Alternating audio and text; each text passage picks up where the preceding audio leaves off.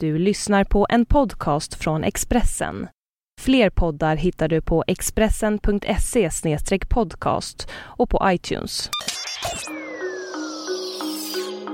Franciscus, den första latinamerikanen. Du lyssnar på Expressen Dokument, ett fördjupningsreportage. Varje dag med mig, Johan Bengtsson, som idag läser Arne Lapidus text om argentinaren som blev ny påve. Han är liberal i sociala frågor, men konservativ i sexualfrågor. Ska den nye påven bli en förkämpe för jordens fattiga och förtryckta? Han kallar sig Franciscus efter det dyrkade barfotahelgonet med samma namn.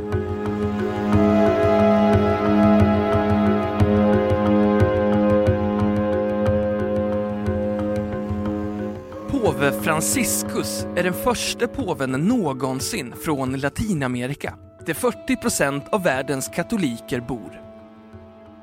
Han är den första jesuiten på posten och den första utomeuropeiska påven på tusen år. Och han är den första som tar namnet Franciscus. Namnvalet är ingen slump. Den helige Franciscus av Assisi levde i Italien för 800 år sedan.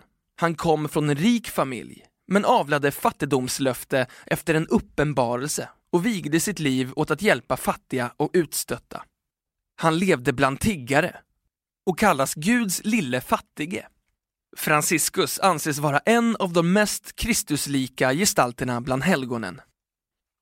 Detta populära helgon tycks vara ett föredöme för en nye påve som har anklagat andra katolska präster för hyckleri och för att glömma att Jesus tvättade tiggare och åt med prostituerade. Jesus lär oss en annan väg. Gå ut. Gå ut och dela ditt vittnesbörd. Gå ut och samtala med dina bröder. Gå ut och dela. Gå ut och fråga, sa den dåvarande kardinal Jorge Mario Bergoglio till Argentinas präster förra året. Enligt samstämmiga uppgifter är 76-åringen en mycket anspråkslös man som står fjärran från Vatikanens överdåd. Som kardinal i Argentina bodde han till skillnad från sina företrädare aldrig i kyrkans palatsliknande byggnad i Buenos Aires. Han föredrog ett enklare hus med sparsam uppvärmning. Han tog ofta bussen till jobbet han lagade sin mat själv och han besökte ofta slumkvarteren i den argentinska huvudstaden. Den nye påven anses vara mycket liberal i sociala frågor. Däremot är han mycket konservativ när det gäller familjefrågor och sexualitet. Han motsätter sig abort och samkönade äktenskap. Vi lever i den mest ojämlika delen av världen som har vuxit mest men trots detta minskat fattigdomen minst sa han vid ett möte med latinamerikanska biskopar 2007.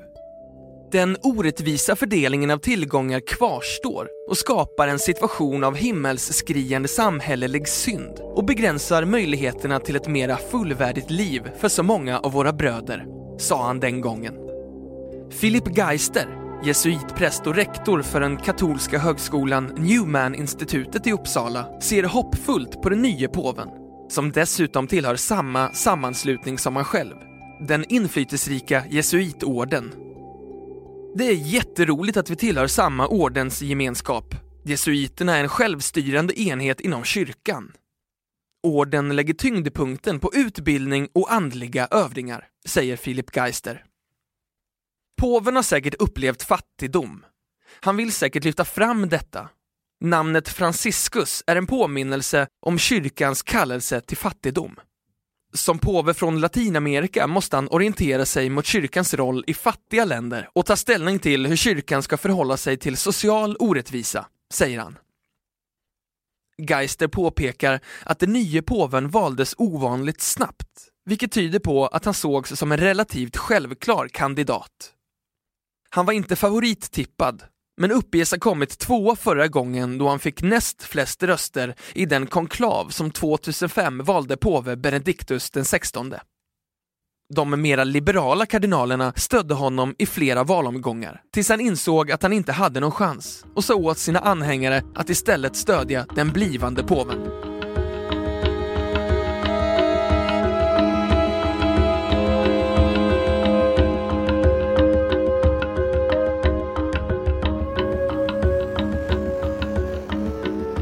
Expressen Dokument, en podcast från Expressen.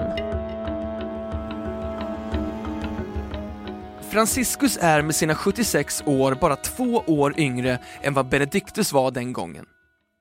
Han föddes i Buenos Aires 1936 som son till en italiensk järnvägsarbetare.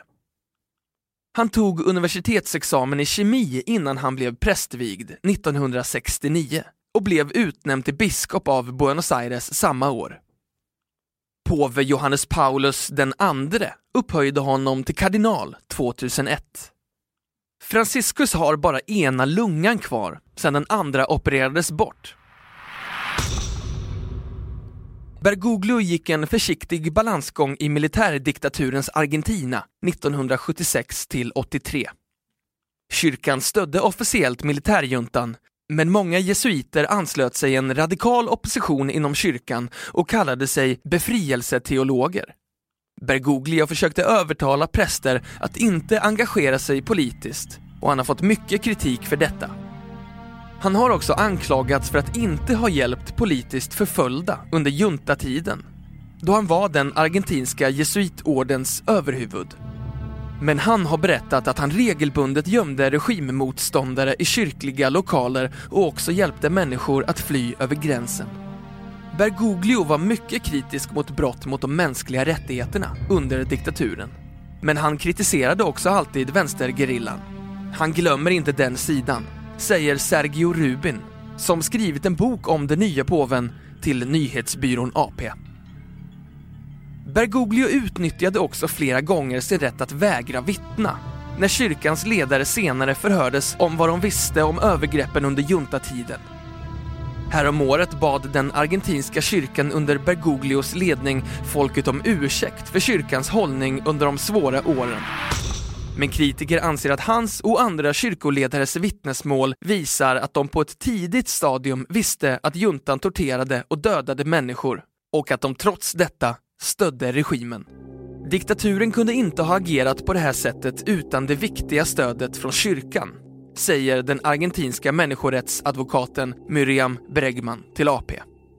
Efter juntatiden ledde Bergoglio arbetet med att försöka återupprätta kyrkans skamfilande anseende i Argentina. Han blev populär för sina insatser för de fattiga och utsatta. Men många argentinare har än idag inte förlåtit kyrkans agerande under de mörka åren.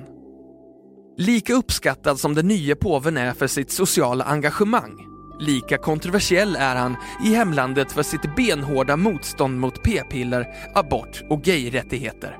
Han frontalkrockade flera gånger med landets president som ville införa reformer på dessa områden. När Argentina 2010 blev det första latinamerikanska landet som godkände samkönade äktenskap protesterade Bergoglio skarpt och kallade lagen för ett försök att förstöra Guds plan. President Cristina Fernandez de Kirchner ansåg att hans tongångar påminde om medeltiden och inkvisitionen. Men Sergio Rubin, författare till boken Jesuiten, som är en biografi över Bergoglio, tycker att liknelsen är orättvis. Rubin sammanfattar den nye påvens inställning så här. Är Bergoglio progressiv, till och med befrielseteolog? Nej. Han är ingen tredje världen-präst. Kritiserar han internationella valutafonden och nyliberalismen? Ja. Tillbringar han en massa tid i slummen? Ja. Du har hört Expressen Dokument, ett fördjupningsreportage om Franciscus, den första latinamerikanen som blir påve, av Arne Lapidus, som jag, Johan Bengtsson, har läst upp.